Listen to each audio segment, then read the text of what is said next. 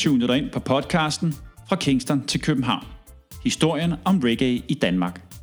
Podcasten, som går bag de personer, som har været med til og en del af at forme reggae i Danmark fra midten af 1970'erne og frem til i dag. Vores mission er at give ordet til mennesker, som har gode historier at fortælle, og på den måde skabe et bredt historisk billede af reggaeens udvikling i Danmark.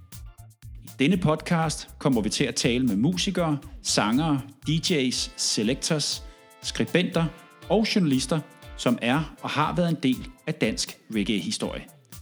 Vi er Jørgen Husum og Lars Larsen. Velkommen til.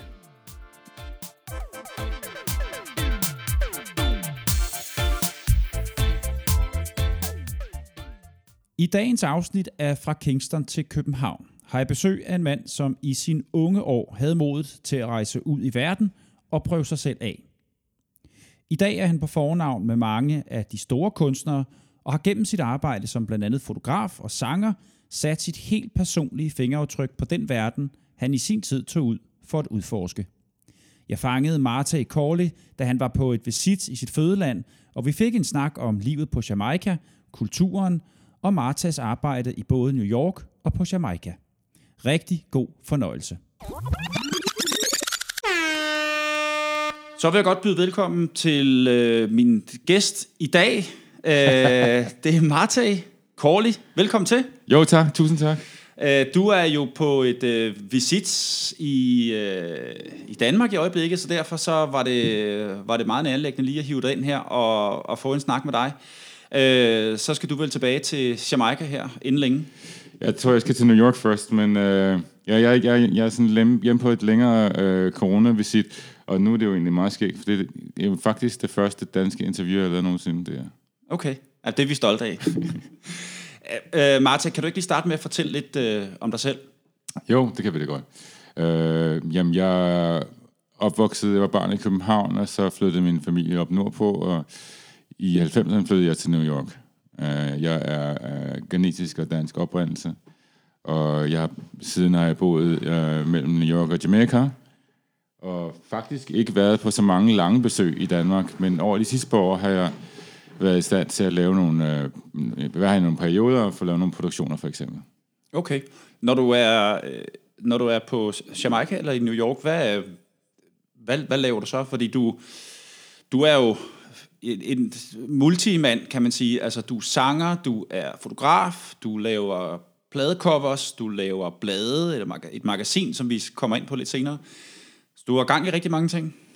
Jamen altså, jeg havde jo sådan en, øh, en fornemmelse, da jeg flyttede i sin tid fra, fra Danmark, at, øh, at øh, jeg, jeg, jeg, jeg måtte bare ud. Jeg skulle bare afsted. Jeg var rimelig træt af, altså nu snakker man meget om Black Lives Matter osv. osv. nu jeg var rimelig træt af at blive stoppet af politiet for at køre bil og sådan nogle ting. Det var mega irriterende, så jeg endte med at bare sige, at nu gad, nu gad jeg ikke mere. Og så gik livet ligesom videre jo, fordi at øh, jeg var i stand til at lave nogle helt andre ting, hvor jeg flyttede hen. Så New York havde i 90'erne et meget dynamisk reggae-miljø. Der var jo der var mange... Man skal tænke på, at hiphop er jo, er jo ligesom skabt af fortrinsvis af jamaikanske efterkommere i New York. New York har mange folk fra Jamaica. Og så kulturen er upfront and present, hvis du kigger efter. Der er sound systems, der er dance halls, der er forskellige ting. Og, altså i 90'erne kunne du gå være i downtown uh, Manhattan hver eneste dag ud af ugen, og så stadigvæk høre reggae. Men hvad, hvad, hvad søgte du da, du, da du rejste afsted?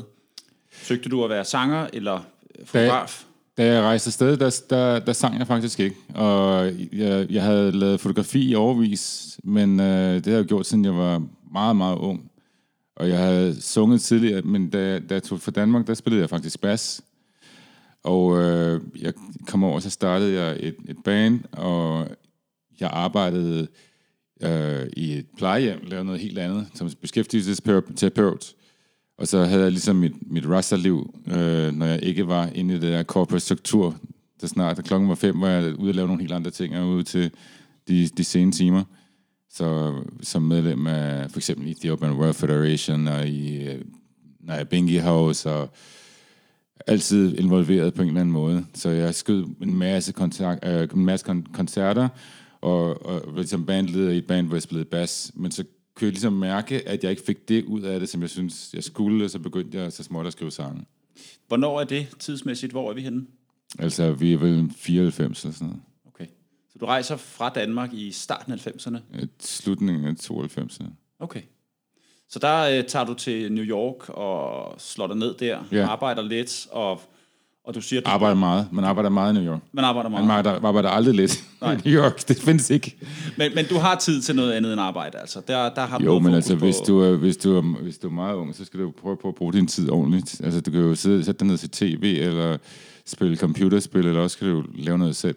Og Jeg har altid haft en idé om, at jeg skulle være producer i stedet for consumer.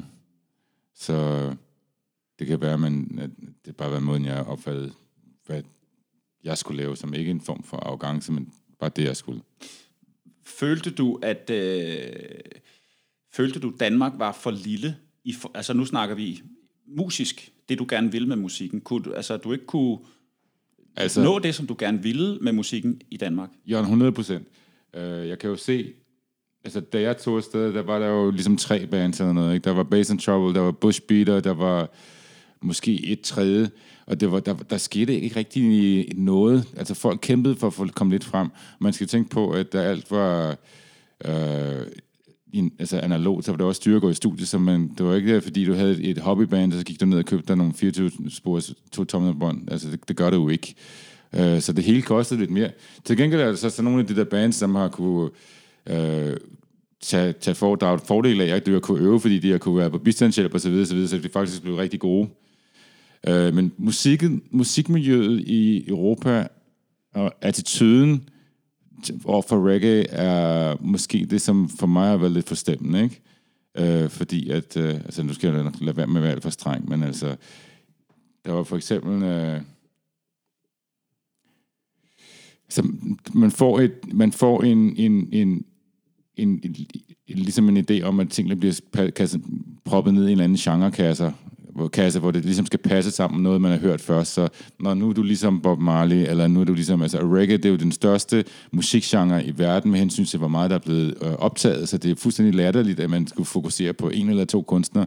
Og så har der altid været så mange forudtaget meninger med hensyn til øh, reggae, rasta, image, altså det image, som reggae og rasta har, som er enormt frustrerende, fordi at, øh, at du får ligesom lov til at, at virkelig skære dig selv ind til ingenting, hvis du skal køre efter andre folks principper. Så ja, for mig, så der, der var der virkelig få mennesker, som kunne spille på en måde, som ikke lød, lød som om, at folk var på, på ferie. Og det var i hvert fald ikke det, jeg ville med det. Er det, er det noget, som du synes stadigvæk er, er aktuelt? Øh, det her med EU, altså også den europæiske reggae over for den jamaikanske reggae. Hvordan, hvordan ser du den store forskel mellem de to ting? Altså, der er helt klart folk i Europa, som er meget dygtige, kan spille alle mulige ting, og kan arrangere det ene og det andet. Men altså, for mig så handler det jo ikke så meget om, hvor meget du kan arrangere, fordi at øh, hvis du snakker med en person som, som, som Robbie Shakespeare, så han gider ikke at spille nogen sange, som har mere end tre eller fire korter, Det synes jeg, skal begge dele skal væk, fordi at han kan gå efter et groove. Den ting, som du har i Jamaica, som er meget kontant, det er, at du, du bor i et sted, som faktisk har en kultur, som er ligesom, hvad du kunne finde i Detroit under Motown, eller hvad der er nu i New Orleans, hvor der ligesom er en musikkultur, som eksisterer, som folk deltager i dagligt, øh, hvor at musik over måske en 50-års periode, er det, som bliver brugt til reklamer og tv og det hele, det er ikke en sideting, det er kulturen selv. Så det er klart, der er et helt andet udtryk og en anden standard og nogle andre inspirationskilder, når man er sådan et sted. Men har, har, nu ved jeg ikke, hvor meget du har fulgt med i sådan den danske reggae-scene, men har den danske reggae-scene og danske reggae-musik, har den fået sin egen identitet? Altså, jeg vil jo sige, at jeg skulle være den sidste, der kunne udtale mig om det. Fordi at øh, jeg er simpelthen ikke nok til at, at vide alle de der detaljer. Og der har jo også været ting, som er blevet sket, altså, som er sket, mens jeg har været væk. Jeg ved, der har været flere øh, ganske gode øh, øh, øh backing bands og så videre, så videre, som har, har været oppe og ringe, og som har, har slukket igen, fordi at man har lavet noget andet. Så jeg er udmærket klar over, at der er sket masser af ting, og man kan jo høre, at, øh, at, at det, som altså det er jo siden Big Stock for eksempel og frem, ikke? Så, så det er jo ikke, fordi folk prøver at lave reggae, der skal lyde ligesom tøsdrengene mere. Så det er jo klart, at der er sket udvikling, og altså sound system kultur i Danmark var jo også gået frem for, for at være et sound til lige pludselig at være 30 eller noget. Altså, så lige pludselig så har folk, altså det er jo det der iron sharp iron, altså når folk arbejder sammen, så skærper de det jo hinandens kompetencer, ellers så sker der i hvert fald ikke nogen udvikling. Det er der, den skal komme fra. Ja, det var jo lidt som om, at soundscenen faktisk overhalede live-musikscenen på et tidspunkt, øh, og blev øh, altså t- tilbage i 2005, 6, 7, de der år, altså der var soundsystem-scenen virkelig, virkelig frem i skoene, og, og øh, virkelig inspireret af de helt store sounds. Øh, Stone Love og Kilimanjaro, Bodyguard, alle de der. Men er det så måske også igen, fordi at der ligesom var flere, der ligesom fik øjnene op for den idé? Altså, altså når man ser på, hvad naboen laver, jamen, så skal man lige lave det lidt bedre. Så er det jo klart, hvis der kun er, er få, få bands, som har en lille smule tilslutning, så er det jo svært at, at lave noget, som både er dyrt og tidskrævende, og, og føle, at man får lov til at spille nogle steder. Altså, det er jo enormt typisk, at, at reggae-ting bliver sat på øh, umulige tidspunkter, som opvarmningseffekter, eller et sted, hvor der ligesom ikke kommer nogen forbi, og så er det jo svært at gøre det større, hvis det altid skal stå i, i syvende række. Altså. Mm. Jeg kunne godt tænke mig at gå, gå, gå lidt tilbage til, til din tid i, i New York. Øh, hvad, hvad sker der i de år, hvor du begynder at etablere dig over i New York? Hvordan, øh, hvordan, hvordan var scenen på det tidspunkt, og hvordan, hvordan følger du ligesom med i den? Og, og hvad sker der med dig i de år? Jamen så, jeg, jeg, jeg plejer at lave en del uh, gigs med mit band Cornerstone i, i, i Brooklyn. Og øh, i Brooklyn havde du et, uh, et, en del uh, dancehall artists, både uh, Jamaicans og folk, der var ligesom Jamaicanized, andre karibiske folk, for eksempel Bigger Haitian, eller Sluggy Ranks, som lavede store lokale hits, men det var som regel dancehall fixeret. Der var også en, en del øh, lokale backing bands, som for eksempel Kalalu og The 18 Band, som var øh, meget, meget dygtige bands, som backede folk som for eksempel Maxi Priest, hvis han kom forbi. Øh, så der var en ret dynamisk scene. Man skal også tænke på, at uh, Supercars største tracks, de producerede i Long Island under den tid. Altså okay. Philip Smart for eksempel. Ikke? Så altså Don Dada, det der, det lavet i USA. Okay. Bor han også, eller boede han, han også i USA? Det gør han stadigvæk. Det gør han stadigvæk. Uh, han bor i, i Long Island, og er stadigvæk en, en meget vild herre. Er der ikke mange af de her dancehall-kunstnere, som er, som er flyttet til, til USA, enten til Miami eller New York? Jo, der er rigtig, rigtig, rigtig mange øh, øh, jamaikanske kunstnere, som bor i øh, Miami. Der er ikke så mange i New York, som man skal tro, og New Yorks reggae-miljø er overhovedet ikke det samme nu, som det var tidligere. Hvorfor ikke det? Jamen, øh, der har været flere ting, som har gjort sig gældende. Altså, Rudolf Giuliani øh, og hans øh, konservative politikker, de har jo gjort rigtig meget for at ødelægge ting i New York, fordi at han har håndhævet kabaretlovgivningen og lukket mange bevillinger ned, mens han var borgmester, og det har gjort, at der ikke ligesom har været plads i de der ting. Ikke? Så New York er nu blevet sådan en, i stedet for at være en by, der var fuld af kunst, som, du, som på store dele af den havde altså kvarterer, som ikke var helt fyldt op med, med real estate, så du faktisk kunne få noget space, hvor du kunne lave kunst eller spille musik eller så videre. Det er jo ligesom alt sammen væk nu, så nu er det blevet en by fuld med revisorer og ejendomsmalere. Det, det, lyder, det lyder knap så, så kunstnerisk. Altså, du kan direkte høre, at musik, se, at musikerne er blevet dårligere, fordi de, de har ikke tid til at øve sig, fordi de har ikke tid til at, de skal gå på arbejde for at tjene penge, og øh, så de skal også betale for deres øvelokaler. Det, det er virkelig gået meget ned i min hvad, hvad, hvad, med, hvad med på radiostationen og så videre? Hvordan, øh, hvordan klarer reggae sig derovre? Øh, altså, der er lokale ting, ikke? Så der er lokale karibiske øh, stationer. Der er for eksempel... Øh, øh, altså også satellitradio som Sirius XM, men der er mindre. Øh, da der var mere fokus på, for eksempel, der var en, en, en, en, en station, der hed 105.9 WNWK, som havde nærmest reggae show efter reggae show hele dagen, hver dag.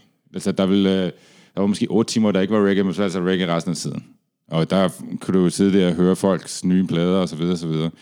Så der var et meget dynamisk miljø. Der bor jo også altså, over en million karibiske folk i, i nærområdet, ikke? så det er jo klart. Men øh, man må også regne ud, at deres folk, deres børn, som bliver født der, de lægger sig jo ikke nødvendigvis op af karibisk kultur. Så der, det kan jo være, at de spiller hiphop i stedet for, ikke? Som, øh, eller bliver hiphop artist i stedet for, som for eksempel sådan en person som Buster Rhymes, mm. eller Five Dog, eller øh, øh, altså så mange mm. rap artists. Mm. Ja. Martin, hvordan kommer du til at... Øh, du er jo du er fotograf, og hvordan kommer du til at, at, at arbejde med kunstnere? Du har jo lavet nogle albumcovers. Ja, det må man sige. Jeg har øh, kan du ikke prøve at nævne nogle af dem, du har lavet? Uh, jo, det kan jeg da godt. Uh, jeg har for eksempel lavet Busy Signal, uh, Busy Signal Loaded, Taurus Riley Parables, uh, Richie Spice, Gideon Boots, uh, Luton Fire, Good Health, uh, Barris Hammond, One Life, One, uh, One Love, One Life, uh, Etana, uh, Keep On Rising. Jeg har lavet en del, måske 50 eller sådan noget. Er det, har du lavet dem på Jamaica eller i, i New York? Øh, langt de fleste har jeg lavet uh, i Jamaica, ikke? Og altså, jeg havde jo, som jeg fortalte før, så arbejdede jeg som beskæftigelsesterapeut i et godt stykke tid.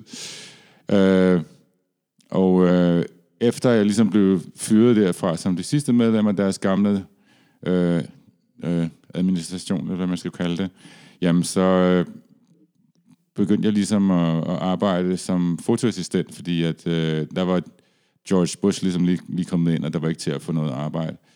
Så begyndte jeg at bruge de, nogle af de kompetencer, jeg havde, og lært, lært nogle flere, og så i løbet af et års tid, så var jeg første assistent.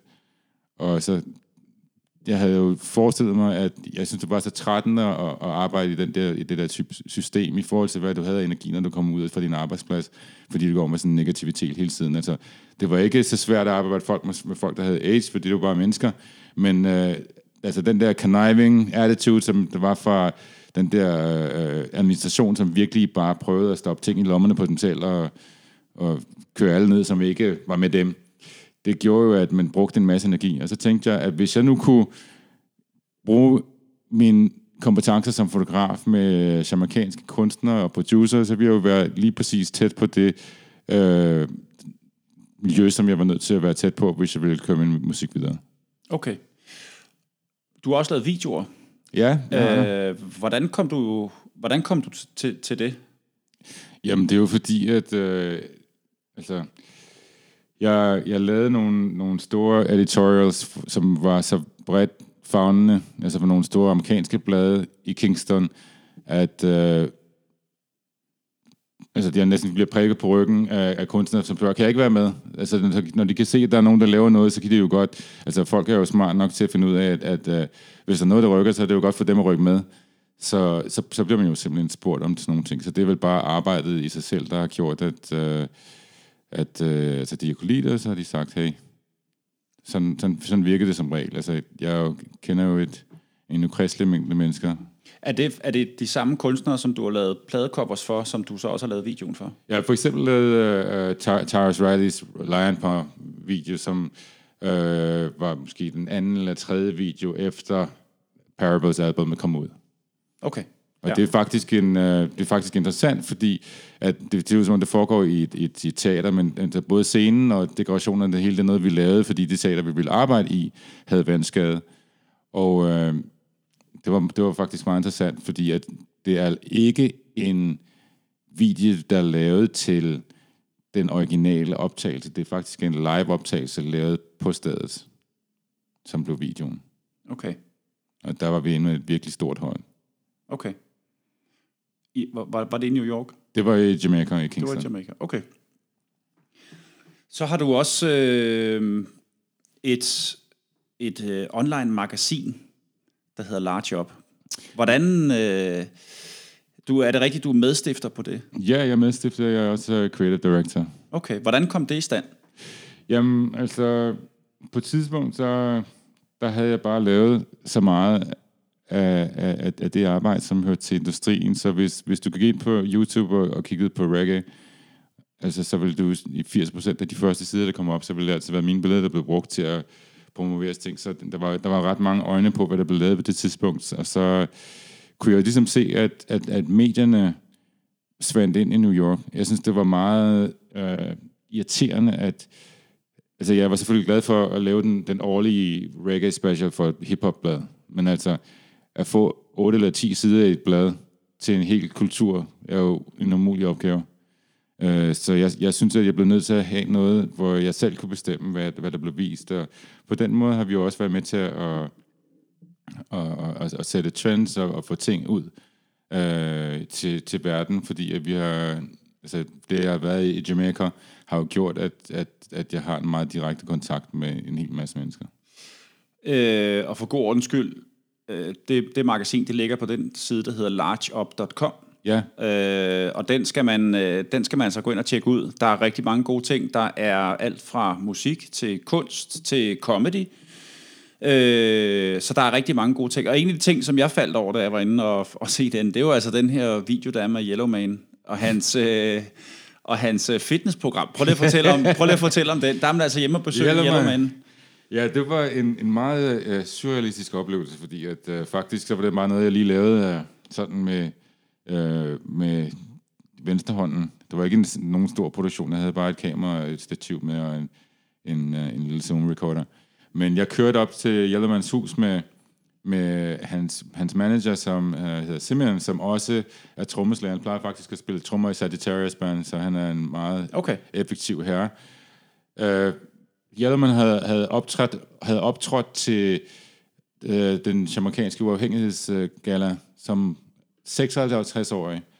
Og jeg stod der med min uh, partner for Large Job, Jesse, og sagde, hey, nu kommer der Yellowman. Og jeg sagde bare, åh, oh, Yellowman igen, man. Jeg, jeg er træt af at se Yellowman, fordi han optræder altid med nogle røvkedelige bands. Altså sådan nogle bands, hvor det bliver røvballemusik, ikke? i stedet for, at han faktisk er en dancehall-stjerne. Så du skal, han skal ikke spille med et band, som også spiller soca øh, for Uptown-folk. Han skal spille med en rigtig dancehall-band. Men det gjorde han så, for de spillede med Rough Cut. Og der kom Yellowman løbende ind, og hans energi var fuldstændig sindssyg. Han hang op i luften. Altså, hvis du havde hængt hans, hans, hans gennemsnitshøjde, så havde den sikkert været på, som, på højde med en basketballspiller. Og så lavede han lige et, et, et, et, ligesom et lille svips, hvor han lige vendte sig om, og så hoppede ned på maven, og så tog han lige 20 armbøjninger, og så flexede han og sagde, me fit! Så sagde jeg, okay, vi bliver nødt til at lave noget med Yellowman.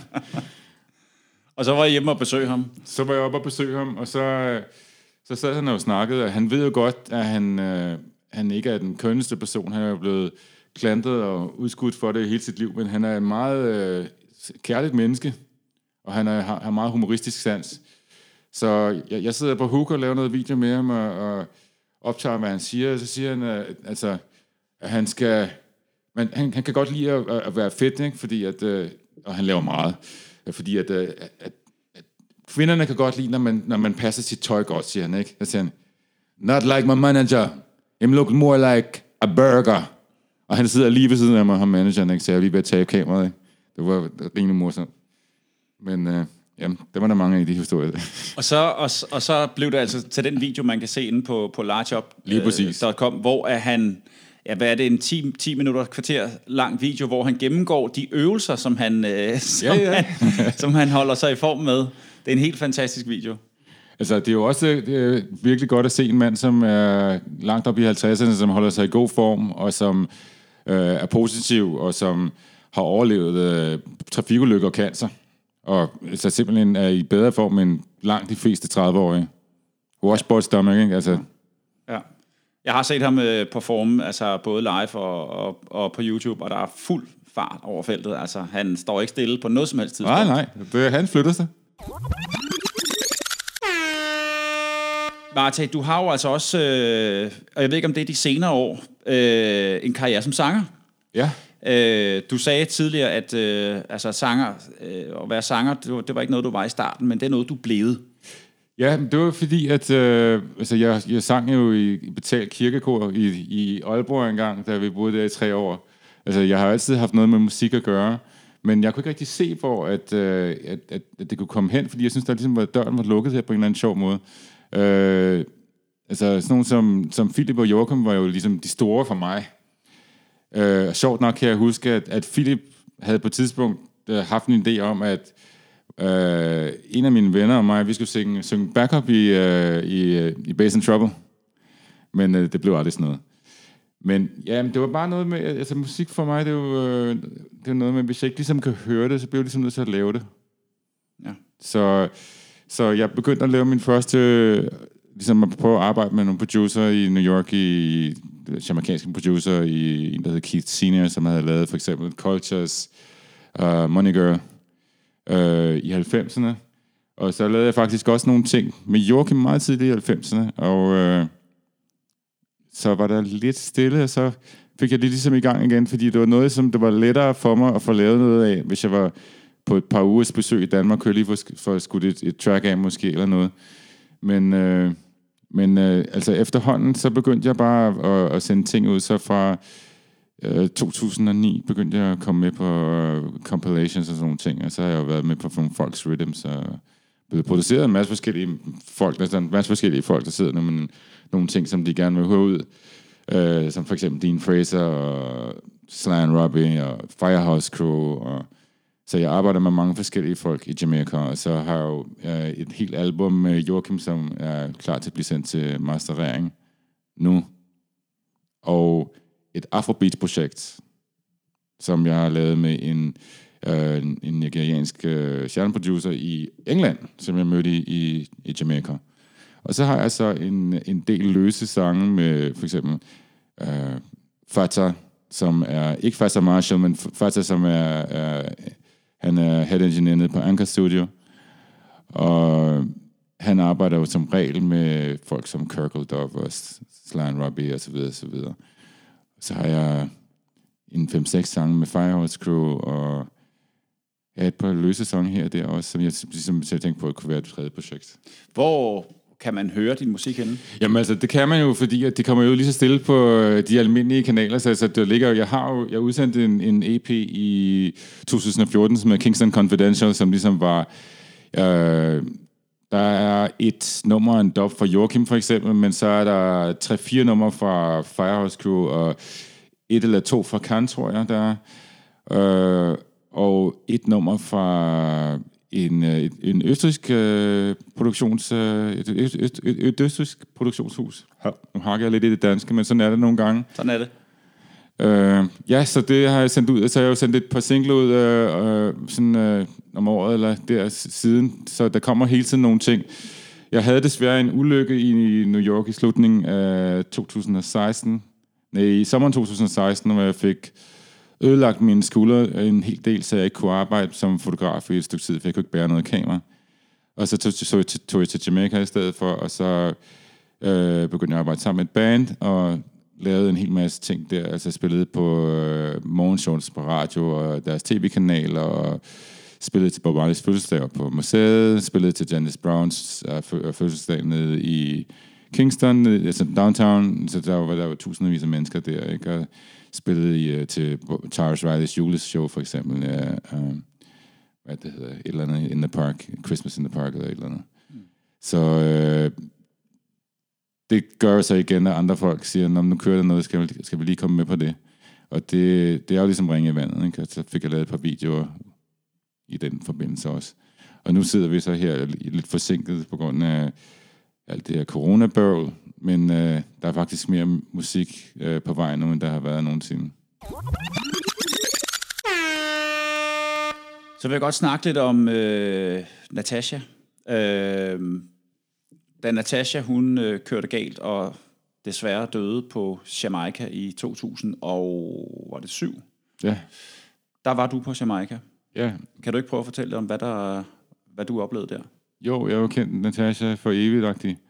Altså, vi har kendt hinanden siden vi var... Altså, jeg, siden jeg var, jeg var 16, tror jeg. Øh, og vi har jo øh, også faktisk lavet et nummer... Et, et, et, jeg har et nummer, som hun er på, som var produceret af Joachim i Phase 5, i Phase 5 studie, øh, da det lå inde i en ved Israels plads. Så det er lang tid siden. Øh, men ja, jeg havde familiebesøg faktisk, da, da ulykken skete, og jeg var på vej. Jeg kørte til Portland, som ligger på nordsiden af Jamaica. Øh, og der fik jeg sådan nogle underlige beskeder, at der var sket noget med min veninde. Fordi folk vidste jo godt, at vi var, vi var venner, fordi jeg var taget rundt med en, sådan, en del af de Big Break-ting i 2006. Øh, det var den konkurrence, hun vandt? Ja. ja. Sangkonkurrence, ja. talentkonkurrence. Ja. Og det var det var, det var en rimelig sjov ting, fordi altså, Natasha var jo ligesom den eneste, der var der, der var professionel. De var alle sammen amatører.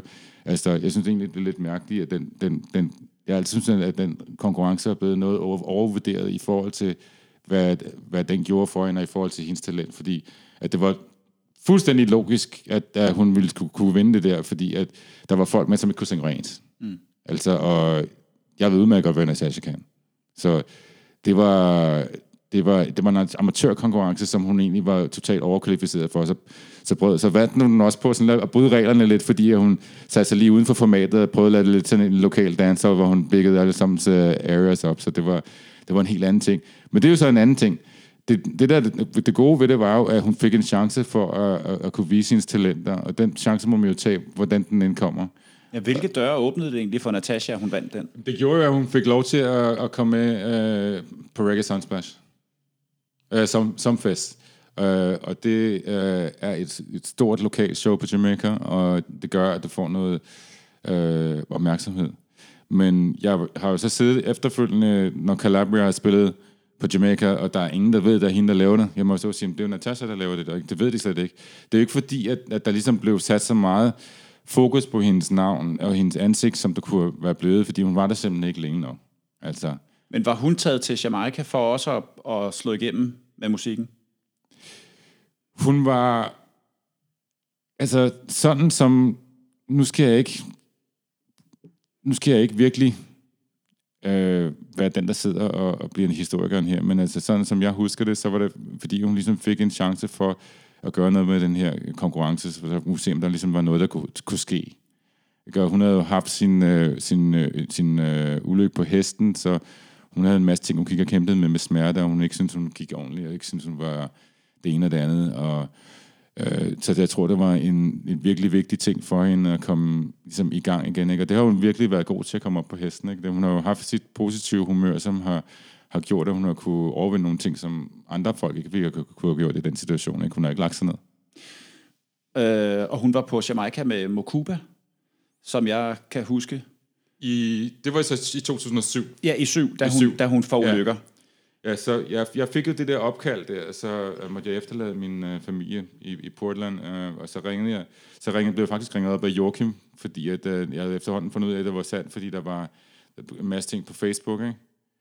Uh, rest in peace ting begyndte bare at komme op, og det, var jo helt, så i mellemtiden var jeg jo blevet lokalstjerne i Danmark, så, så blev jeg ringet op af, af, af Joachim, som sagde, Martin, prøv at høre, øh, du må få fat i karen. Så sagde jeg, fint.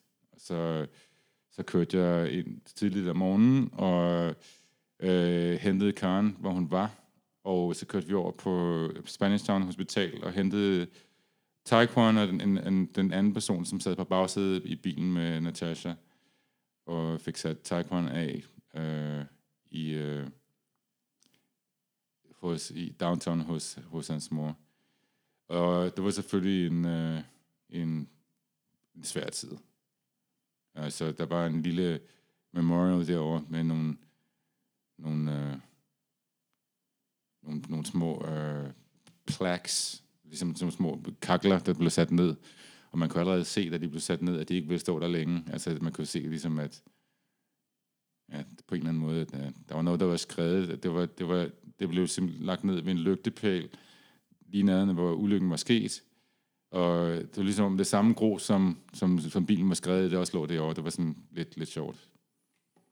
Og Natasha fik jo virkelig, kan man sige, et gennembrud efter hendes død i Danmark i hvert fald. Øh, er hun stadigvæk øh, kendt øh, på Jamaica? Kender folk hende stadigvæk? Altså, nej, det gør de ikke. Der er dem, som kender hende, som ligesom er sådan folk som os, som er, har deres egen historik, eller er lidt nørdet med det, men altså, øh, Jamaica people are really the certain things and all. Like, it's, det, det var ligesom om, det der med at bevare historie, er ikke noget, man fokuserer så meget på. Det er også derfor, at der ikke er så mange vinylplader tilbage i, i Jamaica, de blev solgt til udlandet. Ikke? Der er ikke så mange af de originale instrumenter, fordi der var der nogen, der købt fra Frankrig og sådan ting. Ikke? Fordi man skal da have det nye. Og det er jo, det er jo både det, der gør, at musikken udvikler sig, og så kan man jo så sige, at det, der, at det kommer ligesom i, i anden sortering videre til nogle andre, gør jo også, at digital-produktioner nu er meget populære i steder i Europa, men at folk i Jamaica overhovedet ikke er interesseret i at høre noget der fra den periode. Ikke? Så skal man virkelig have fat i de rigtige tracks, for folk synes, det er spændende. Øh, og det, det er jo bare en kulturel ting. Så Jamaica er ikke øh, nødvendigvis... Øh, øh det er ikke lige så populært på Jamaica, de ting, som er populære i Europa. Nej, og så skal man tænke på, at øh, Jamaica har ikke noget øh, museum for reggae. Der er et museum, som har to rum.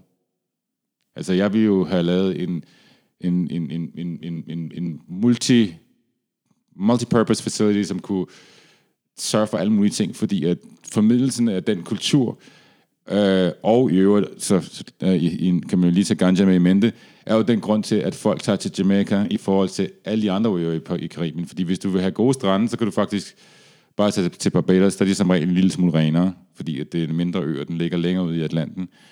Øh, men Jamaica er jo ikke som at til en, bare en ø, fordi du er jo tydelig i et land, fordi der er så mange forskellige biotoper, der er meget store bjerge, der er alle mulige ting. Du kører ikke lige fra den ene ende til den anden på fem minutter, vel? Mm. Altså, det tager dig, hvis du kører hurtigt, og du kører godt, så kan du gøre det på 6,5 timer. Altså fra den ene ende til ja. den anden. Men så skal du kende vejen og være dygtig til at køre bil. Ellers så kommer det ikke til at ske, og så skal det ikke være, man er ingen trafik være. Fordi du skal over Blue Mountains? Nej, det skal du ikke. Okay. Men, men øh, at køre på Jamaica, det er ikke for alle. Det er en... Øh, man kan måske i forhold til, til dansk kørselsstil, så er det lidt ligesom en romersk kørselsstil time, uh, times 24 eller noget. Altså, hvis du ikke kører lidt som en rallykører, så kommer du aldrig til at køre ud af din indkørsel. Mm. Altså, alle kører sådan. Bedstemor, bedstefar, alle. Det er kun om søndagen, når der er kirke, at, at, at folk ikke kører på den måde. Til gengæld er folk meget opmærksomme, og er for grund af, at uh, der er jo dårlige veje, stort set, så folk er meget dygtige chauffører, fordi ellers bliver din bil undermunden bliver smadret, når du falder ned i huller hele tiden. Så folk kan altså virkelig finde ud af at køre bil, og jeg synes, det er lidt sjovt også. Hvis nu, øh, hvis nu man gerne vil til Jamaica for første gang, og man vil over med den øh, over at have en oplevelse, høre noget musik, måske se nogle af de steder, som ikke nødvendigvis er de her resorts og øh, de pæne strande, men man vil gerne lidt ind bag facaden. Hvad bør man så gøre? Og er det, er det, er det, er det farligt at tage det over, gå på sound og, og de her ting? Nej, det er altså... Hvis det, hvis det er farligt for dig altså, så tage det over, så er det fordi, du er en idiot. Altså, hvis du tror, du skal komme frem, du, man jo ikke gå over en, en, en, en altså, man kan jo ikke over i andre folks territorier og føre sig frem. Altså, hvis der er en eller anden, øh, øh, der kommer fra, øh, skal vi sige, fra øh, Helsingør, så går han jo ikke ned og spiller Karl Smart i Sydhavnen og viser, hvordan skabet skal stå. Så kan det godt være, at han kan være med og kan drikke øl der og kan det hele. Og det kan også være, at han kan spille med sit band, men han kommer nok ikke ned og viser, at han er den smarteste af alle først. Altså, hvis man har det en ganske almindelig respekt, og så lige husker på, at det der med, at måden folk banner på, på dansk, eller på engelsk, altså når folk snakker dansk eller danglish, og de siger shit og fuck og så videre, så videre hele tiden, men det gør man ikke på engelsk. Øh, så folk øh, i Jamaica og meget der, det, det, er lidt ligegyldigt, om, om vi snakker om folk fra Randstenen, eller folk fra det højere luftflag. Folk er meget høflige, og siger godmorgen, goddag, god, aften, øh, god eftermiddag. Og hvis du ikke ligesom kan spille med på det, så, så kunne det være lidt mere problematisk for dig. Men, men folk er også meget, meget tolerante, fordi at de ved jo godt, at turister lægger penge, som kommer øh, ligesom det hele øh, øh, til gode. Og der har i efter Airbnb er der kommet meget sådan noget community tourism, hvor folk kommer ned. For eksempel kommer der rigtig mange svenske piger ned og lærer at og, og dance. Der er jo reggae måned i, to, eller i februar hvert år, hvor Kingston og enkelte andre steder også har øh, rigtig mange gratis tilbud.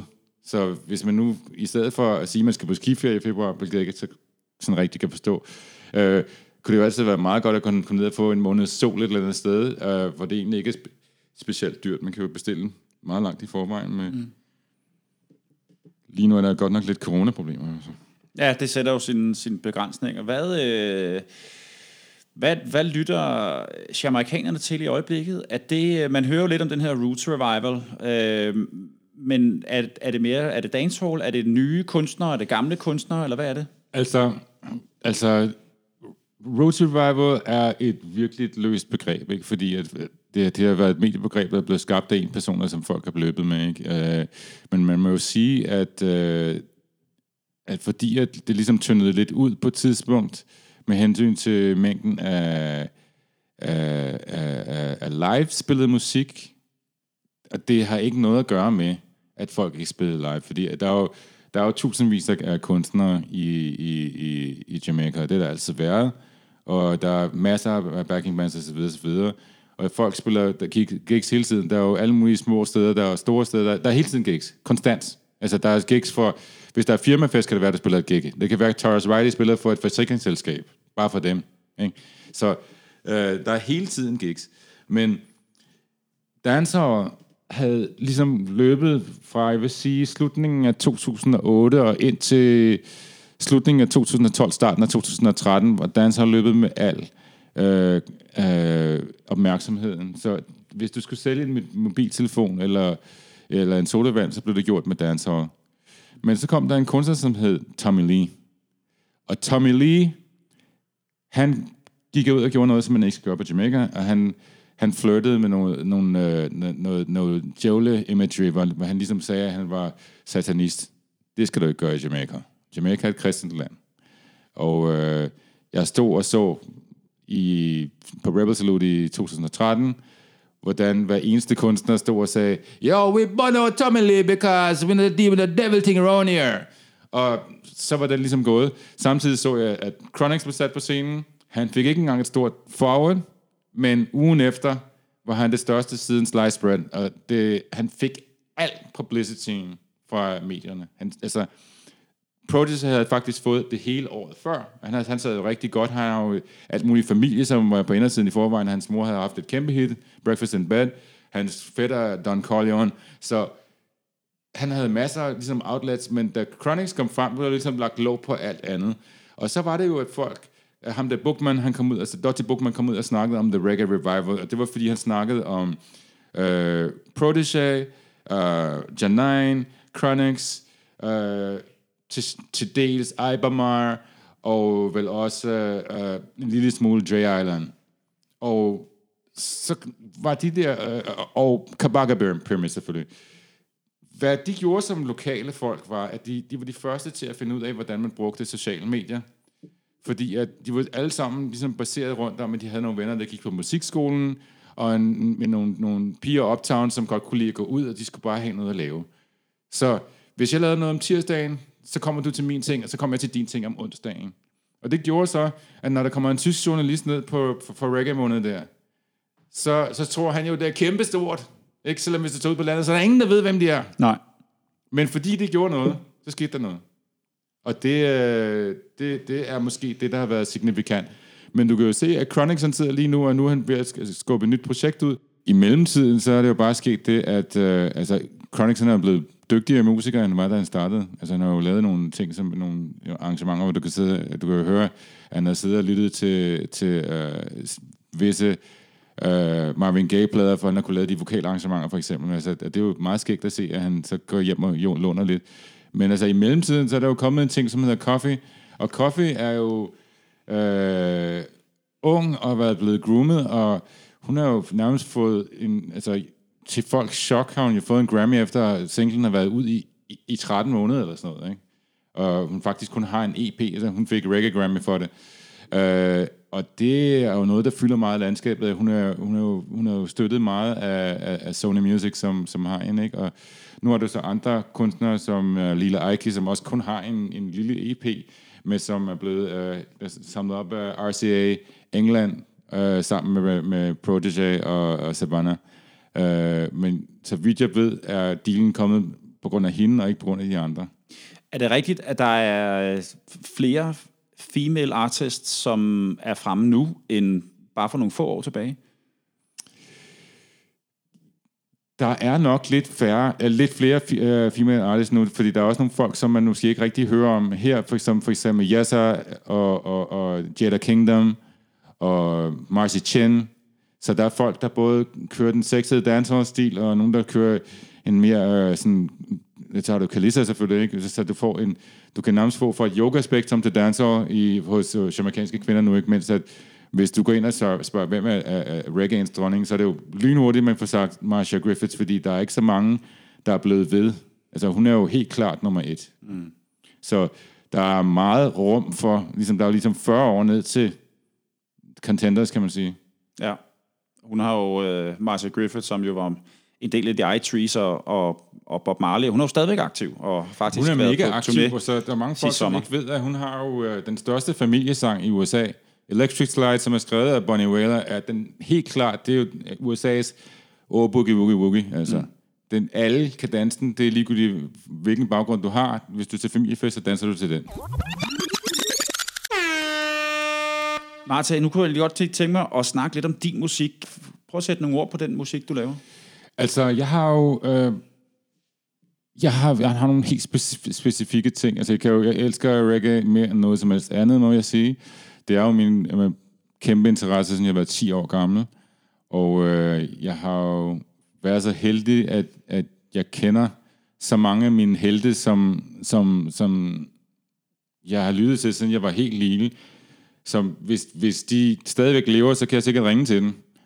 Øh, og det, det har været specielt, fordi, at så har jeg jo ligesom kunne få deres hjælp til at lave nogle ting, som de synes er, er det rigtige. Så altså, for eksempel så gik jeg en, en tur i, øh, jeg skulle med, med, med flyet, og så hørte jeg uh, en sige, Martha Colley, bag mig. Og så var det Freddie McGregor, som lige skulle snakke med mig. Og, og det er jo sjovt, at man står med en person, som man har arbejdet med som fotograf, som, som, som anerkender en fuldstændig som, som, som, som sanger, og synes, at det er fedt, at der siger, don't joke with it. Mens at der så har været andre folk, som øh, der har været så masser af jantelov øh, i både USA og også lidt i Danmark, men ikke så meget i Danmark, fordi der har jo ligesom ikke været så meget. Men det der med, når gør du det? Kan du også det? Eller skal du nu også det? Jeg troede, du var den, der var fotografen nu, eller... Men altså, jeg har ikke lyst til at, at, at, at, at lade nogen begrænse mig. Der er jo ikke... Det er jo ikke nogen af af dem, der har, har, har gået og lavet det arbejde, som jeg har lavet for mig. Det har jeg jo gjort selv, så, så må de jo også bare godtage, hvad der kommer. Hvis de ikke kan lide det, så kan de bare lade være med at lytte til. Så der er ikke uh, jantelov, det er ikke noget, der er forbeholdt Danmark. Ej, altså, du skal, hvis du ikke ved, at, at du, hvad du selv, hvis du ikke tror på det, du laver, og du ikke ved, at du selv er på vej opad, så er der sgu heller ikke nogen andre, der kommer til at gøre det. Nej. Så kunne jeg godt tænke mig at snakke lidt om, øh, om europæisk reggae, og, og fordi der er jo en, altså der er jo rigtig mange både producer bands i Europa, og reggae er jo ret stort i Europa. Hvad er for dig den største forskel rent musisk imellem den reggae, som kommer fra Jamaica, og den reggae, som er i Europa? Okay. For mig, der, den, der, det var måske den bedste måde, du kunne sætte det op på, Jørgen, fordi at, øh, så behøver jeg ikke at sige noget om, øh, om noget som helst andet. Øh, jeg synes, at det der er, det er, at fordi reggae i Europa har været en eller anden tematisk underdog. Øh, nu kan jeg sige noget her, nu kan det være, at der er nogen, der bliver su- su- sure, men øh, jeg, kan, jeg kan bruge en analogi, sådan som jeg har oplevet det. At det der var en, en pige, så sagde det her til mig i, i, i New York. Altså, mig sagde, nu må du forstå, hvordan det her hænger sammen. Det er fordi, altså reggae for, for, for amerikanere, det er white people on, on vacation. Og så, så begyndte jeg lige at krasse mig lidt i hovedet, at det var, det var ikke fordi, at øh, hun var racist, og jeg mener jo, det var jo en hvid pige, der sagde det. Det handlede om, at den måde, man kulturelt bruger det der på, at det er noget med, nu er jeg ude, nu er jeg fri, jeg er på ferie, jeg har en rum cocktail i hånden, jeg har board shorts på og flip-flops, ikke?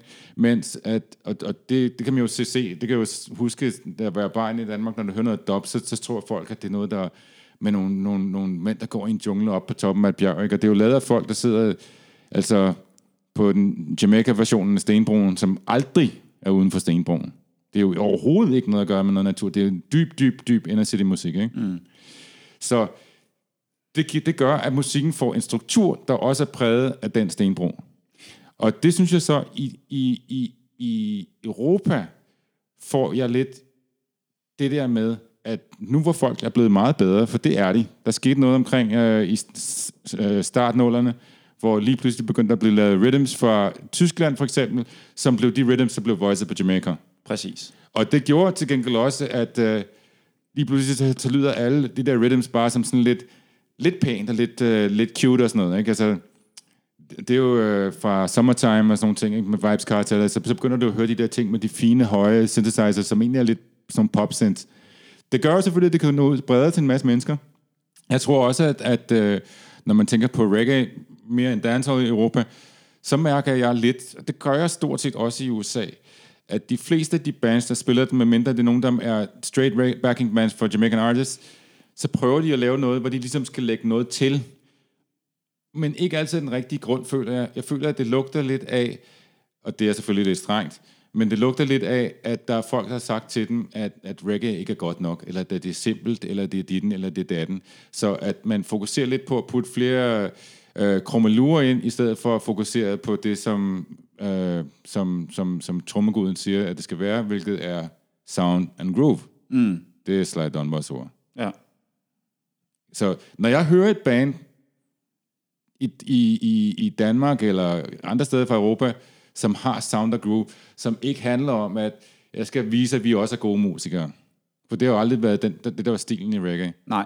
Så vinder det faktisk. Og så jeg synes jeg, det er super godt at se den udvikling. Men kan, kan europæiske bands godt have den der yardi Det kan de udtryk? Godt, men de skal arbejde meget for det.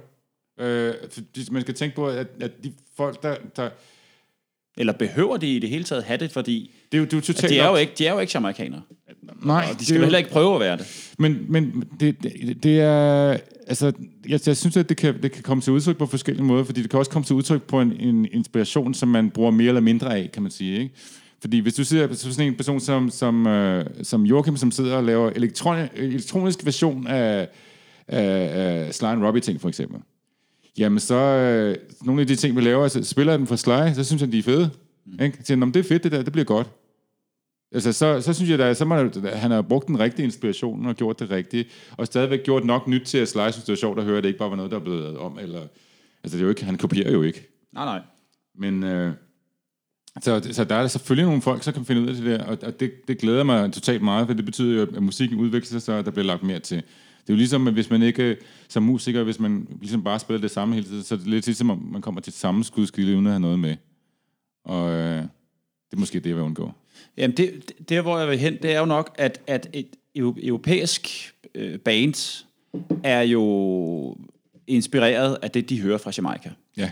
Men det, de laver på Jamaica, det er jo, det er jo deres dagligdag, det er jo deres daily struggle, det er jo derfra, at deres inspiration kommer. Mens det, vi laver i Europa, det er jo, fordi vi har lyttet. Det, det vil sige, vi lytter jo noget af Jo. og kopierer det. 100 procent. Det er rigtigt, Jørgen. Men der er også nogle, lidt andre ting, som er sådan lidt mere på det lavpraktiske ting. Altså, hvad har man, hvordan har man... Øh, altså, du kan spørge en dansker, hvordan kommer man nye kartofler? Så skal de nok kunne fortælle dig det lige præcis, ikke? Du spørger en amerikaner, hvordan laver du Akian Sawfish, Skal du love dig for, at du får det skrevet ned til den mindste detalje? Sådan er det jo altså også med, med, med, med, med reggae-musik. Der er måder, du spiller på, og måder, du ikke spiller på. Altså, du, vil- du vil få det godtaget med det samme, eller ikke få det godtaget. Folk vil vil gerne gerne give dig en chance for at vise. Jamaica er ikke et racistisk sted. Der har været masser af, af øh, quote unquote, europæiske øh, øh, folk, som er kommet ind og har blevet optaget som, som, som musikere, fordi de har haft noget at tilbyde, som var fedt og som passede ind. Men det er jo lidt ligesom, hvis du spiller, der har jo været en masse bands i, i starten og midten af nullerne, ikke? som for eksempel uh, Dap Kings, som spillede for uh, Amy Winehouse. De spiller jo sådan nogle lidt motown ting. Men hvis du hører, hvor hårdt Motown spiller sammenlignet med de der nye folk, ikke? så jeg har fotograferet Dap Kings for eksempel, det er milevidt. Altså, de spiller i øvrigt med to trommeslager i synkron, synkron, som du ved. Så, så det er ikke sådan et, et lille chat, der kommer til lille trommen. Det siger brav med en træstamme, ikke? Mm. Og sådan er det ligesom, at den der holdning, der er ind i det, ikke? Så jeg tror, det er mere med optage noget af holdningen, og, og brug det i din egen dagligdag. Altså, det, det, er ikke, det har sgu ikke så meget at gøre med, at, at du sidder og skal prøve at lave det samme som folk før, fordi så bliver musikken jo ikke større. Det er bare min holdning til det. For nogle år tilbage, der var hele homofobidebatten jo en, øh, en, en stor ting i musikbranchen. Hvordan, øh, hvordan står den i dag Den er, på Jamaica? Den er virkelig, virkelig, virkelig, altså, jeg ved, jeg, nu, nu skal jeg overhovedet ikke komme og sige, at der ikke er nogen øh, bøsser eller lesbiske, som får, problemer i Jamaica. Men som, som jeg fortalte, så har jeg arbejdet som fotograf. Øh, så jeg har arbejdet sammen med øh, øh, homoseksuelle stylister og så videre, så videre, som aldrig har haft nogen problemer, og som i øvrigt også kan slå fra sig og sådan nogle ting. Altså, så hvis vi nu lige kigger på, hvad der nu foregik under den der tid, hvor man kaldte det murder music, og det hele blev lukket ned, så har det været en kæmpe forfejlelse, synes jeg, fordi at, øh, øh, altså, jeg er helt med på, at man skal sørge for, at der ikke er nogen, der bliver udsat for noget mere end andre, fordi det går simpelthen ikke. Men, øh, og det er ligegyldigt, hvem det er, hvor de kommer fra, fordi at, at man skal jo være fri. Øh, og så tage sin egen ansvar for de øh, fejl, man laver, hvis man laver fejl. Ikke? Øh, det må ligesom være det, det mennesket skal, skal komme frem til, at man skal være fri. Men dengang, der var det altså sådan, at øh, der var over, jeg mener, det var, der var 10 homoseksuelle, som var blevet dræbt over en 12-års periode, eller også var det 8 over en 10-års periode. Hvilket i sig selv er forfærdeligt. Men ud af de der, der var der altså kun to eller tre af dem, som var døde på grund af øh, diskrimination, mens de andre, det var øh, domestic disputes. Så det var simpelthen husbetakler med elskere osv. osv. Hvis man sammenligner, hvor mange personer, der var døde på øen af, valg, af vold, at nu snakker vi om vugge til grav på, på tværs af køn, så snakker vi altså om over 10.000, som var døde i den samme periode. Så at man snakker om at gøre noget til en ting, som ikke engang repræsenterer 1%, det repræsenterer jo faktisk omkring en tiende del procent. Nej, det er jo mindre. Så jamen det, det, det, er jo, det var et argument, som blev sat frem til mig af en tysk reggae-journalist, der hedder Uli. Og han havde faktisk øh, sagt det her til øh, Paulins borgmester i en rum. Uh, øh, der blev virkelig lukket ned for en hel, hel masse mennesker. Og så da, da efter, efterfølgende to år senere, uh, øh, omkring 2010, da der var øh, en lille insurrection eller slash borgerkrig i, i, i, øh, i Jamaica. Da Dudas blev pågrebet, der fik stort set alle dancehall-stjerner frataget deres, deres visa. Så man må jo sige, at øh, desværre så har øh, reggae artist ikke fået en god behandling internationalt øh, i, i den henseende. Altså Michael Rose fra Black Uhuru, han kunne på et tidspunkt ikke rejse ind i USA i en hel del år, fordi at han var på terrorlisten, fordi der var en anden person, der hedder Michael Rose, som overhovedet ikke lignede ham, som var på terrorlisten, så kunne han bare ikke rejse til USA. Og det er en person, som har fået øh, bynøglen til Kansas City, for eksempel. Mm. Det giver jo ingen mening. Altså. Nej, det gør det ikke. Oplever du, der har været et holdningsskift over for homofobiske tekster i dancehall-miljøet, for eksempel? Helt sikkert. Altså, øh, selv den person, som ligesom det hele var hængt op på, Buju Banton, som man kan sige hvad som helst om, han gik jo virkelig langt for at undskylde. Det eneste, han ikke ville, det var ligesom at blive en deltidskampagne for, øh, for LBGT. Øh, ting. Men han havde lavet, jeg mener, han lavede et show og en, et par optrædener, og han var ude, jeg har set det på video, han sidder og siger undskyld for det hele, og bla bla bla, og, og trykker næver, og bla, altså, han gjorde mere, end du kunne få, for, altså, hvis jeg nogensinde har set en racist gøre noget siden, så har jeg i hvert fald nok øh, øh, gået roligt i sengen. Altså, det har jeg aldrig set. Så øh, han gjorde det fuldstændig, men de ville, de ville simpelthen gjorde, gøre, at han blev en, til, at han ligesom skulle arbejde for dem, den organisation, han arbejdede sammen med. Der, der gik I over stregen, så gad han ikke mere. Mm. Men øh, altså, hver eneste dag, så ser jeg øh, både øh, bøsser og lesbiske øh, i Jamaica, og jeg har ikke set nogen øh, kaste noget efter den. Øh, jeg kan være helt sikker på, at hvis du, hvis du kører dårligt i, i øh, i, i trafikken, så kan det godt være nogen, der lige råber ud af vinduet og siger, Batman! Men jeg kan da også huske, at da den, en, af, en af de personer, jeg arbejdede sammen med som stylist, han, han råbte, så det satte hovedet ud af vinduet, fordi der var nogen, der kørte for hurtigt efter, og så sagde jeg, Batman! Så det skal man nok ikke lige, man skal nok være lidt uh, påpasselig på, altså hvad man, hvad man, hvor langt man går med det. Og Martha, her afslutningsvis, der kunne jeg godt tænke mig at komme lidt ind på øh, religion, på Rastafari øh, i musikken. Øh, hvordan oplever du, øh, hvor meget plads har den, og hvor meget fylder den i musikken i dag? Altså, Rasta har desværre ikke den plads, øh, den skulle have i øh, Jamaican culture nu. Det, det er jo fordi, at den er blevet så kommercialiseret, og der ligesom er blevet en, øh, en disconnect til den ældre generation. Så medmindre du er en opsøgende person, som faktisk øh, går til Naya Bengis eller 12 Tribes eller Bobo Shanti, hvis det er det, det, det, det, du kan lide, jamen så er det svært for dig at få mere end nogle generaliserende ting.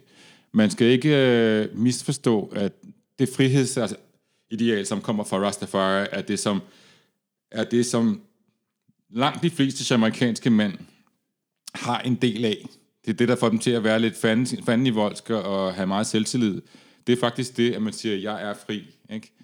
Og øh, det, det er, det er jo meget stærkt, men der er jo sociale problemer på Jamaica, der er problemer med, med vold og så videre, så videre. Jeg er da sikker på, at øh, nogle af de ting, som man har med, altså problemer med familiestruktur og så videre, så videre, vil være bedre, hvis man fik lidt mere fokus, på, på, på raster, hvis jeg skal være helt ærlig.